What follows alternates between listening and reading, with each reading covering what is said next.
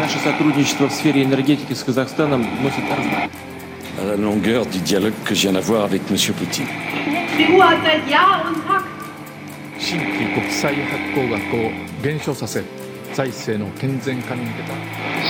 Del fascismo en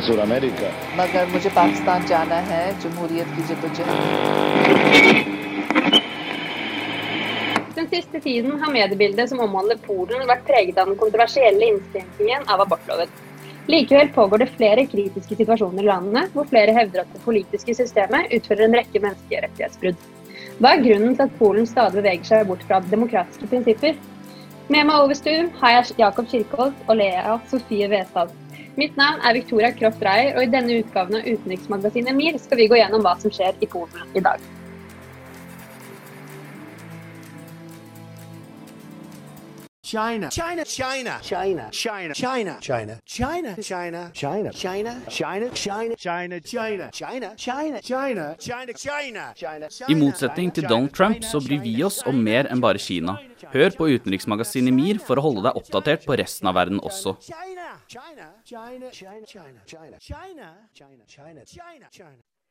Polen blir formelt kategorisert som et representativ og en demokratisk republikk, som styres av et semipresidensielt system.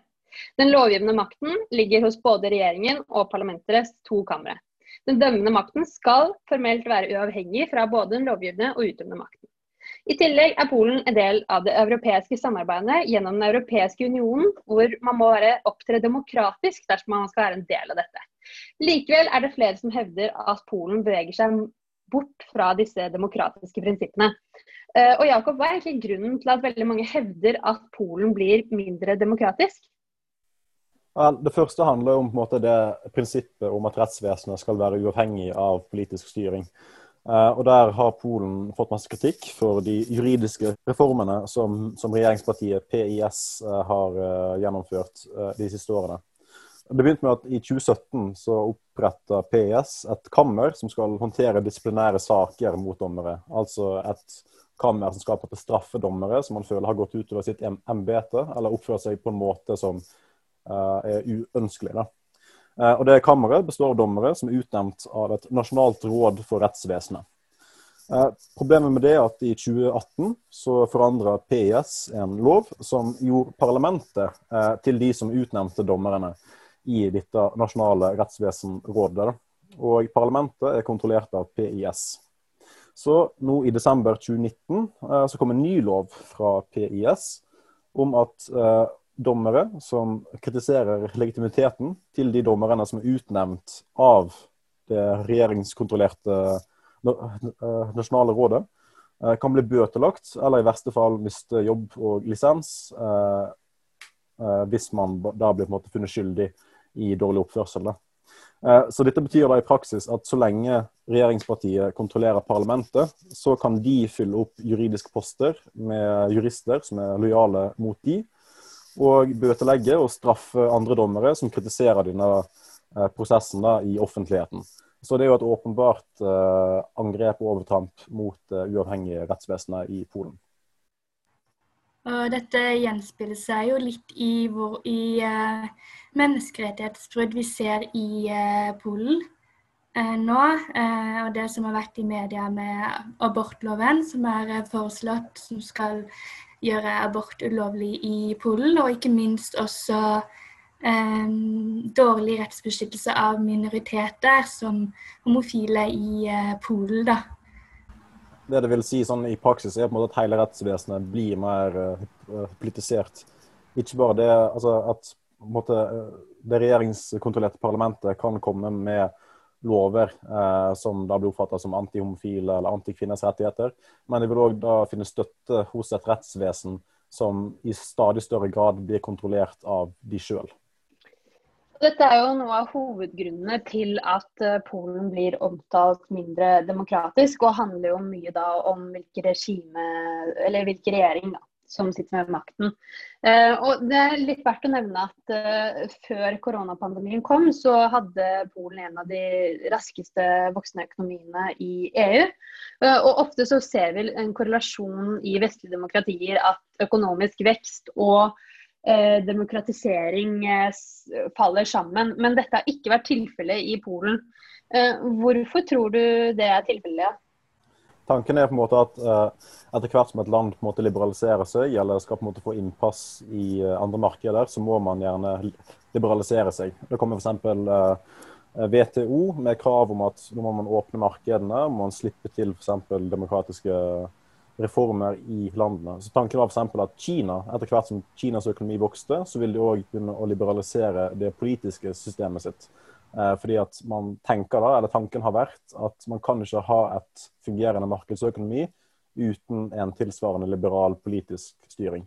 Eh, men som man ser med Kina, da, og for øvrig Russland og Ungarn, så kan man ha en rask voksende markedsøkonomi uten at det ligger noen særlig demokratiske eh, retningslinjer til grunn der i det hele tatt. Da. Så den, måte, den, teorien om at økonomisk vekst på en måte kan resultere i høyere grad av demokratisk styring, og sånt, det ser ikke ut til å være noe universelt med det. da. Nei, og det, det, er jo mange faktorer som påvirker om et eh, land beveger seg mot et demokrati eller bort fra et demokrati, ikke bare økonomien. Eh, men hvert fall, vi har nå vært innom den politiske situasjonen i landet, vært litt inne på menneskerettighetsbrudd som kan skje i Polen. Vi har vært så heldige og fått et intervju med den polske ombudsmannen og tidligere Raftoprisvinner Adam Bodnar. Eh, I første del av hans intervju vil vi eh, vise hans rolle som ombudsmann og hvordan det fungerer. Og han vil også gå nærmere inn på menneskerettighetssituasjonen i landet. Intervjuet er laget av vår medarbeider Magnus Nordahl Røtnes. Mir var en sovjetisk romstasjon som i utgangspunktet var bygget for å vare tre år. Den varte til sammen 16. Som sin navnebror strekker utenriksmagasinet Mir seg ekstra langt for å gi deg det beste utenriksstoffet. Could you give a summary of what has what you have done these past two years since you won uh, the Rafter Prize and last time we spoke? So I remember very well uh, the the whole uh, ceremony and celebration connected with the Rafter Prize in Bergen, but also later on I was for uh, three days uh, in Oslo meeting different politicians and uh, key stakeholders. and then I was still serving as the ombudsman of the Republic of Poland. so so between November and in fact now uh, between November 2018 and now I, I, still serve as the ombudsman. Officially, uh, my term uh, came to an end on 9th of uh, September this year, but there is a regulation saying that I should perform as the ombudsman as long as the new person is elected. And it seems that the ruling government uh, has a problem with selecting a new candidate, and especially in getting into some compromise with the upper chamber of the parliament because uh, in Poland, in order to select the new ombudsman, you need to have consent of two chambers of parliament. Mm-hmm. So simply, I wait for the appointment of a new person, and until that moment, I still serve. But I would say that those two years were extremely important from the point of view of further degradation of the rule of law standards, further deterioration of judicial independence, but also attack on the rights of uh, minorities or vulnerable groups. That is the first point. The second, uh, we uh, of course experience as, uh, as any other nation of the uh, of the Europe uh, of the consequences of pandemic, uh, and for my office it was especially important experience because basically starting from March this year until now, we have a lot of intervention statements, recommendations concerning how to fight with pandemic and how to provide for the better health protection. Uh, but uh, from my point of view, the most important uh, was the continuous fight for the rule of law and for the independent judiciary. And to be honest, this Rafto Prize and the cooperation with the Rafto Foundation gave me a lot of additional opportunities.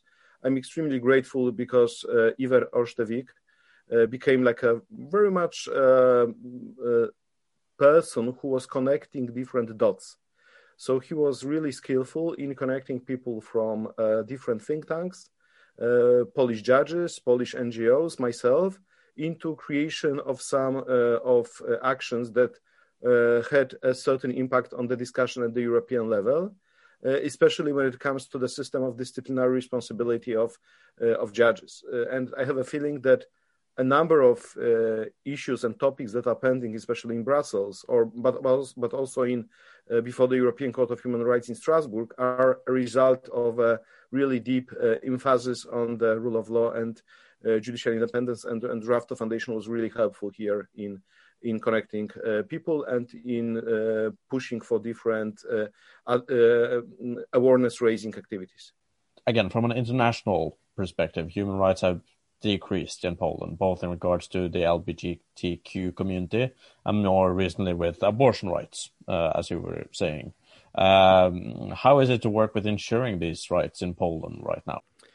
You know, it's it's extremely, uh, you know, it's becoming more and more difficult um, because on the one hand, uh, government uh, and the ruling majority has this trend of using different topics in order to uh, to present a certain vision of the world, but also in order to cover up uh, its own negligence and maladministration, especially concerning a fight with COVID-19. Uh, moreover, the um, issue of human rights and protection of certain rights is used uh, for purposes of political fight between different uh, factions within so-called allied uh, right-wing camp. So between different uh, small parties uh, that create a ruling coalition. Uh, and obviously, there are more or less like two issues that are subject of, of discussion in this context. So first one is is the topic of LGBT rights. The second, women's rights. With LGBT rights, uh, especially during the presidential campaign in 2020 and afterwards, we had a really painful experience because uh, mm, president fighting for re-election used a topic of uh, LGBT rights uh, as a kind of a political weapon. So he started to distance himself and he used very brutal words saying that LGBT are not people, it is just ideology. That was extremely painful to a number of people in Poland, and uh, moreover, that kind of wording uh, has been supported uh, both at the local level because a number of uh, local communities, especially in eastern and southern Poland, adopted so-called resolutions against LGBT ideology and second, it has been used. Mm, it has been used by the Catholic Church, so president could count on the support of the of the Catholic Church. So you have here, you can observe here something like a mixture of, uh, let's say, like a traditional, a little bit nationalistic, xenophobic, homophobic approach of different uh, political elites, uh, including the Catholic Church,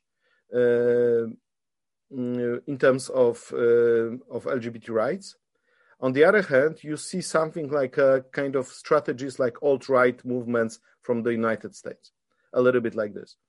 Uh, and uh, and you have also some powerful NGOs that are present on uh, on the right wing of the political scene, and that are pretty skillful in practices of disinformation or in practices of raising profile of certain uh, problems or uh, or issues.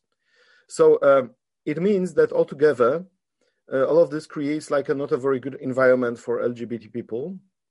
Uh, and we could observe the rise of hate speech. We could observe also ri- uh, a rise of homophobic uh, violence.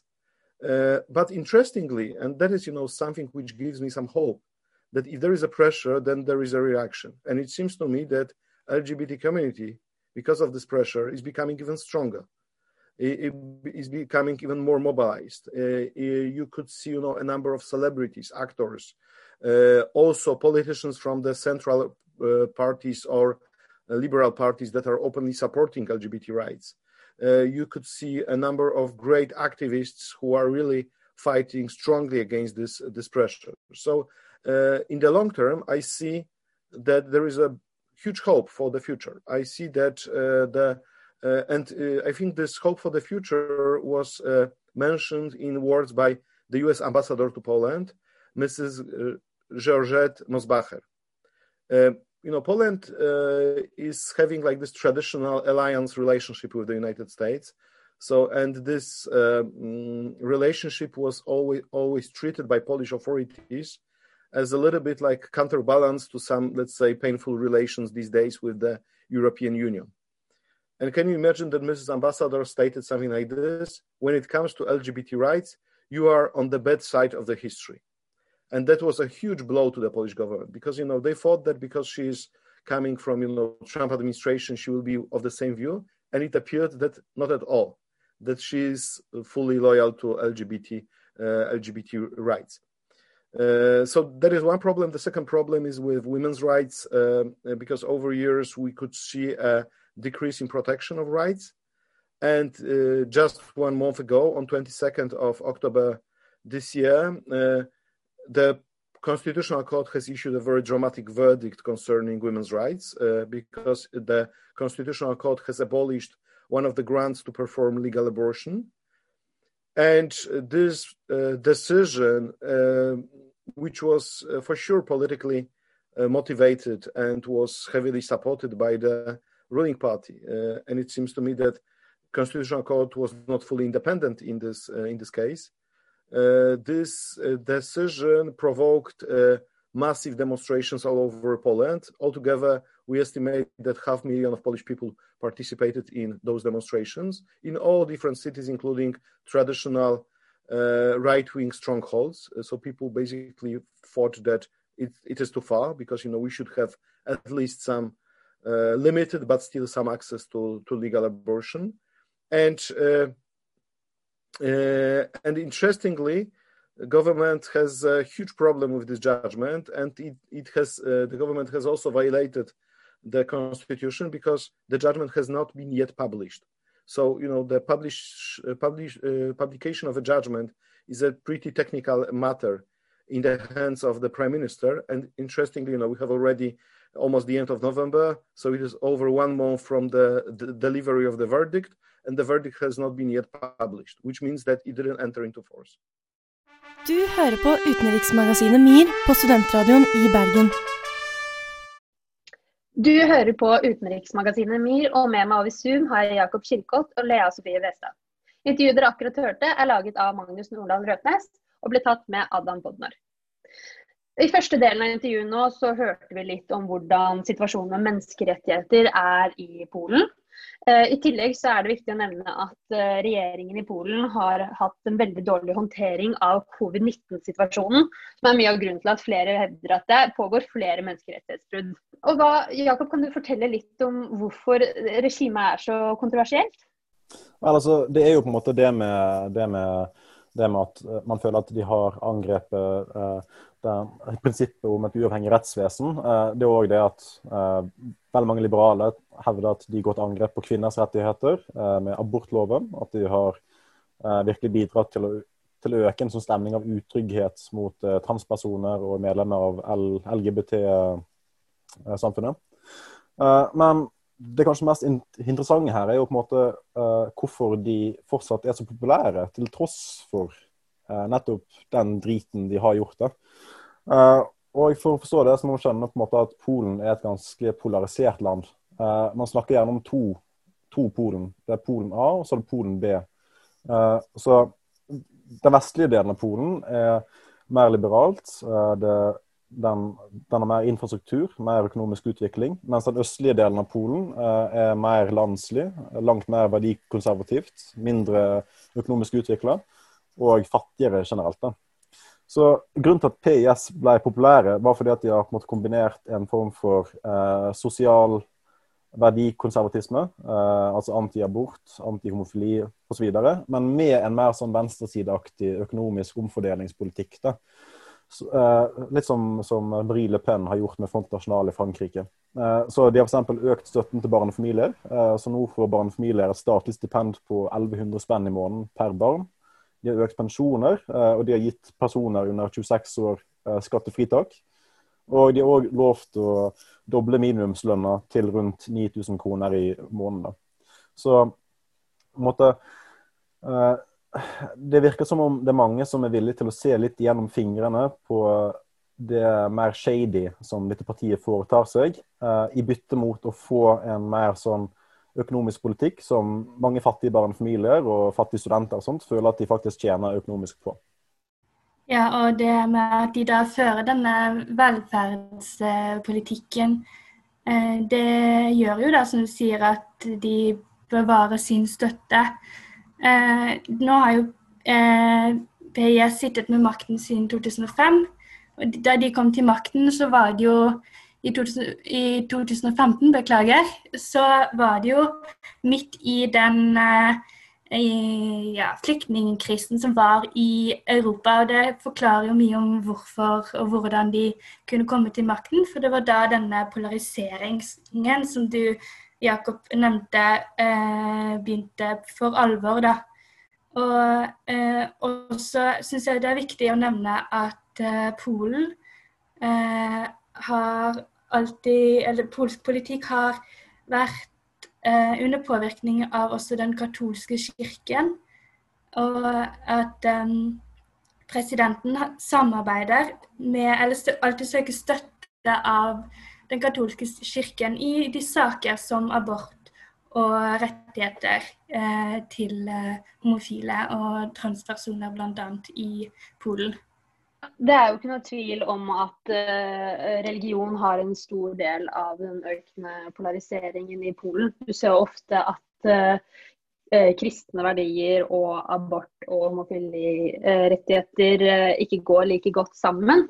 Og denne abortsaken i Polen er jo noe av det som har vært mest omdiskutert i media akkurat nå.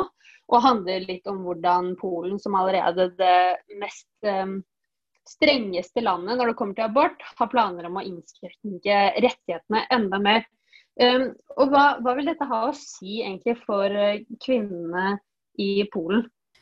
Altså det, eh, Nå må vi jo få understreket at eh, det er ennå bare en lov, en, et forslag til lovendring, så det er ennå ikke blitt satt inn i, inn i det politiske Eller inn i det systemet, lovlige systemet. Eh, men det er et et uh, lovforslag. Eh, men det vil jo da bety at, uh, at kvinner som av ulike grunner ønsker å ta abort, ikke har mulighet. Og da vil jo de ta og finne ulovlige metoder. Så det vil jo gjøre det farligere for kvinner å, å ta abort når de gjør det ulovlig, for da er det gjerne mindre sikkert. Eh, og eh, det, det, er jo rett og slett ikke bra for eh, kvinners rett til å bestemme over egen kropp. Det er ikke nødvendigvis bra for regjeringspartiet heller. Denne lovendringa har skapt massive demonstrasjoner. Jeg mener, I intervjuet med Dan Bodner så kommer det fram at det er 500 000 mennesker som har blitt mobilisert over hele landet da, mot denne lovendringa. Eh, også i mer landslige strøk som tradisjonelt sett har på en måte vært regjeringspartiene eh, sine på en måte faste holdepunkter. Da. Eh, så et, det er på en måte indikasjoner på at òg blant måte, støttespillerne til regjeringa, så er det mange som føler at denne lovendringa kanskje gikk litt vel langt. Eh, og at det at måtte, loven ikke har, blitt, har tredd i kraft ennå, kan være et tegn på at regjeringa føler at de kanskje har gjort en liten feil. Eh, det er noe vi kommer inn på i intervjuet. Det er jo tydelig flere momenter som uh, er med på å bidra til å polarisere befolkningen i Polen. Uh, og denne utviklingen er ikke bare i Polen, vi kan se det i flere andre land. Og det er uh, på en måte en veldig sterk trussel til demokratiet at befolkningen splitter seg på denne måten.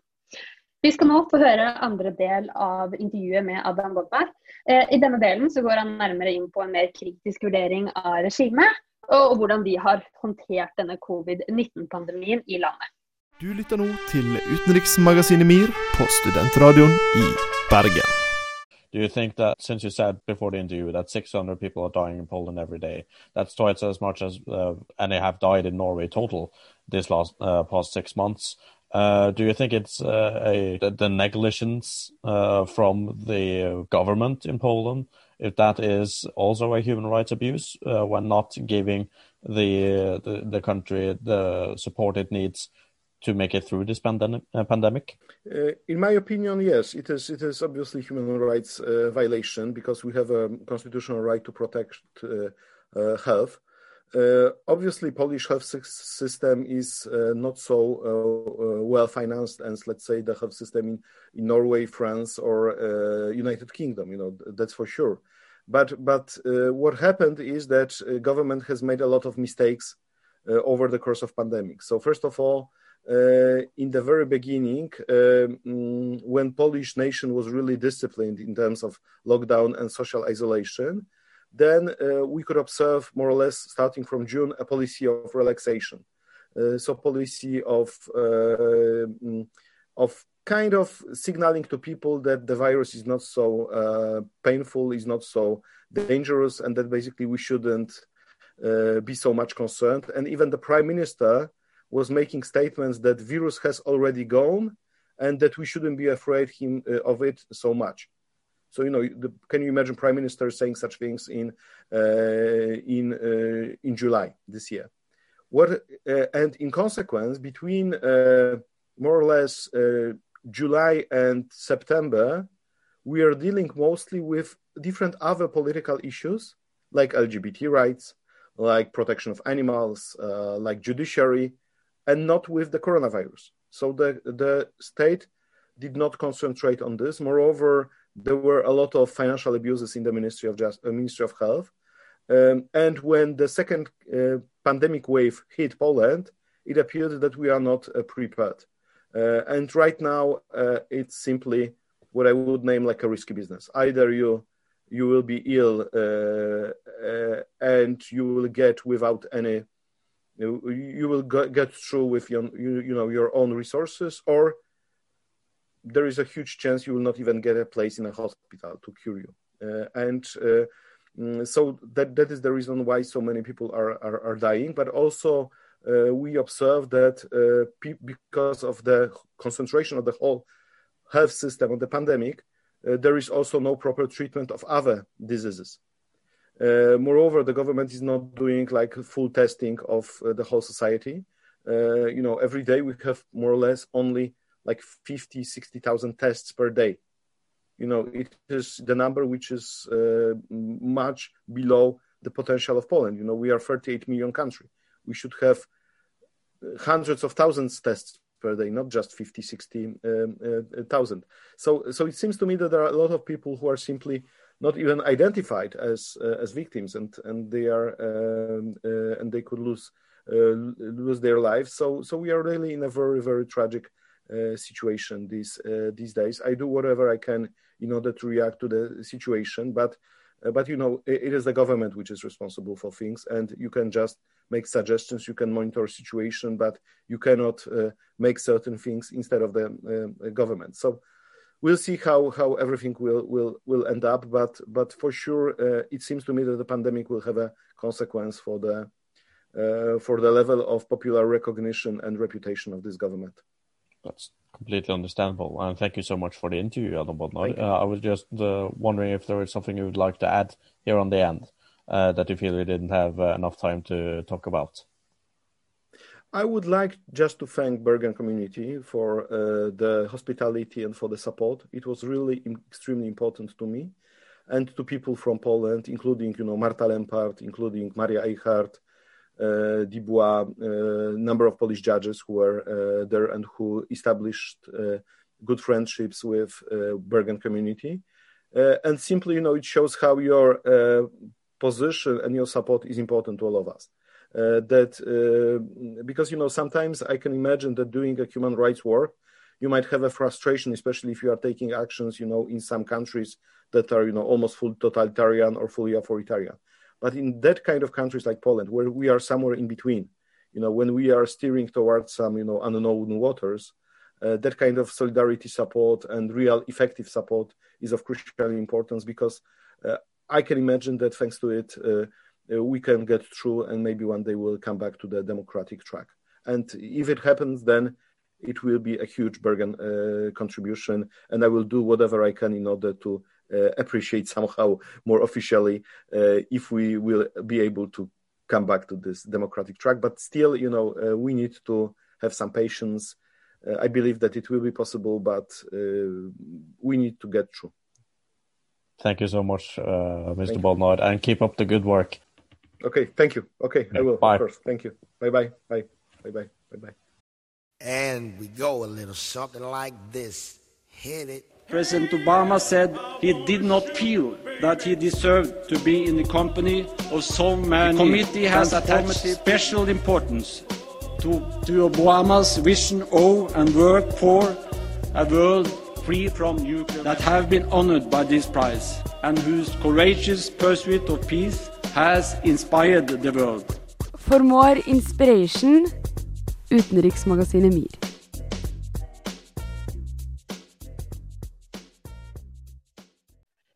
Det er ingen tvil om at Polen utvikler seg i feil retning, og at eh, situasjonen er kritisk for flere av innbyggerne i landet. Eh, vi har nå fått høre siste del av intervjuet med Adam Bodner, hvor han gikk mer inn på hvordan eh, regjeringen har håndtert koronapandemien, og hvordan dette kan relateres som et menneskerettighetsbrudd. Videre vil vi nå diskutere litt mer hva vi tror er veien videre for Polen. Har de sjanse til å demokratisere seg, eller vil denne utviklingen mot et mindre demokratisk regime fortsette? Eh, Lea, hva tenker du? Bodnar har jo snakket om i intervjuet at uh, sivilsamfunnet i Polen er ganske sterkt. Og Det tenker jeg lover bra med, for uh, at uh, demokratiet Polen skal kunne komme fram. Vi ser det er, som vi har nevnt, 500 000, 500 000 som har vært ute i gatene. Eh, så mobilisering innad i landet er jo veldig positiv eh, med tanke på eh, å holde på demokratiet. Det som er å tenke på, er på en måte at PIS er et populistisk parti. Og de har vunnet masse på, måte, på å peke på skjulte sånn postkommunistiske eliter som aldri på en måte ble tatt et oppgjør med etter murens fall uh, osv. Men uh, nå har de vært ved makten i fem år. Uh, de er blitt et etablert parti. De er på en måte blitt eliten på, på en måte. da. Så når økonomien begynner å svikte pga. pandemien osv., og, så og de ikke nødvendigvis klarer å levere på, på, den omfordelingspolitikken som de har vunnet veldig masse på tidligere, så kan man se for seg at partiets støtte begynner å vakle. Det man må tenke på er at Mange av de måte, angrepene som har blitt gjort mot rettsvesenet, har blitt gjort ved måte å styrke parlamentet overfor rettsvesenet. Og det er bra for PIS så lenge de kontrollerer parlamentet. Skulle de miste parlamentet, så vil det være et annet parti som kan dra fordel av det som PIS har gjort. Da. Eh, så spørsmålet er jo på en måte om, om dette kommer til å hjelpe partiet på lang sikt. Eh, det også verdt vært tenkt på er at PIS ikke nødvendigvis er et antidemokratisk parti, men et mer sånn majoritansk parti. Eh, de føler det at det at de har et flertall i parlamentet, gir de rett til å gjøre litt som de vil, fordi at de representerer en slags folkevilje. Hvis de mister det flertallet, så har ikke de så masse makt eller legitimitet lenger. Og det er her vi ser likheten også med andre land som Ungarn, som beveger seg litt i samme retning, hvor et mer majoritetsdemokrati er det de vil anse som en legitim styreform at uh, det er folkeviljen gjennom majoritet som um, vil gi de beste demokratiske beslutningene. Og Så kan vi jo da videre vurdere hvorvidt dette er en styreform som fungerer best i disse landene, om det er det de, slik de ønsker å ha det. Og at det på en måte ikke alltid trenger å være én definisjon av hvordan et demokrati fungerer. Lea, hva tenker du? Uh, ja, jeg er absolutt enig. Og så er det jo også spennende å se hvordan EU nå presser på både Polen og Ungarn for å eh, ha en eh, bedre maktfordeling. Eh, Polen og Ungarn har jo begge svart med å, å, um, å legge ved veto for EUs eh, e budsjettforslag for å eh, Når det gjelder behandlingen av eh, koronasituasjonen. så det er jo en pågående konflikt, men hvis EU når fram, så kan jo det være eh, bra for eh, det, det, demokratiet i Polen. Det med EU eh, og Polen det framhever en litt sånn gammel konflikt da, mellom Uh, overnasjonalitet uh, kontra på en måte lokaldemokrati. Har EU rett til å komme med krav eh, til Polen angående hvordan Polen skal organisere eh, sitt eget styresett. Mange av tilhengerne til regjeringa vil si nettopp nei. altså PIS er et euroskeptisk parti, eh, og de kan sannsynligvis bruke det retorisk. Så ja, men Det er på en måte åpent spørsmål. da. Men jeg tror nok ikke at EU har så masse makt til å tvinge gjennom de reformene som de gjerne vil sette i Polen, uh, ettersom det å innføre sanksjoner og sånt mot Polen krever et uh, absolutt enighet, eller absolutt konsensus innad i EU.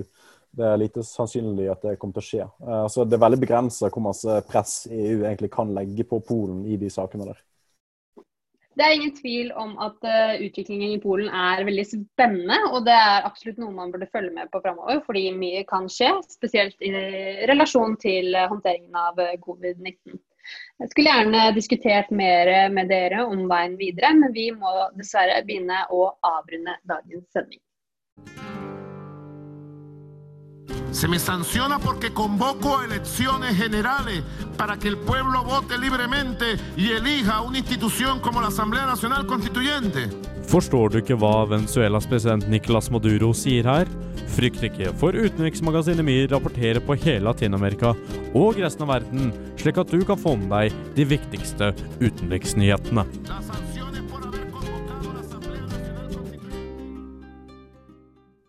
Er sendingen for i dag over, hvor vi har gått nærmere inn på Polens stadige utvikling mot mindre demokratiske beslutninger. Vi har også fått uh, intervjue Adnan Bodnar, som blir en slags primærkilde, som forteller oss om hvordan landet er i dag. Jeg vil gjerne takke Jakob Skilkott og Lea Sofie Westad, som har vært med meg over Zoom. Jeg vil også takke Magnus Nordahl Røtnes for et godt utformet intervju. Jeg vil også anbefale dere å følge oss på sosiale medier som Instagram og Facebook. Her vil dere finne regelmessige oppdateringer om hva som står på vår agenda de neste ukene. Du kan også høre våre tidligere sendinger på både Spotify og iTunes. Mitt navn er Victoria Kroft Reier. Vi høres neste uke.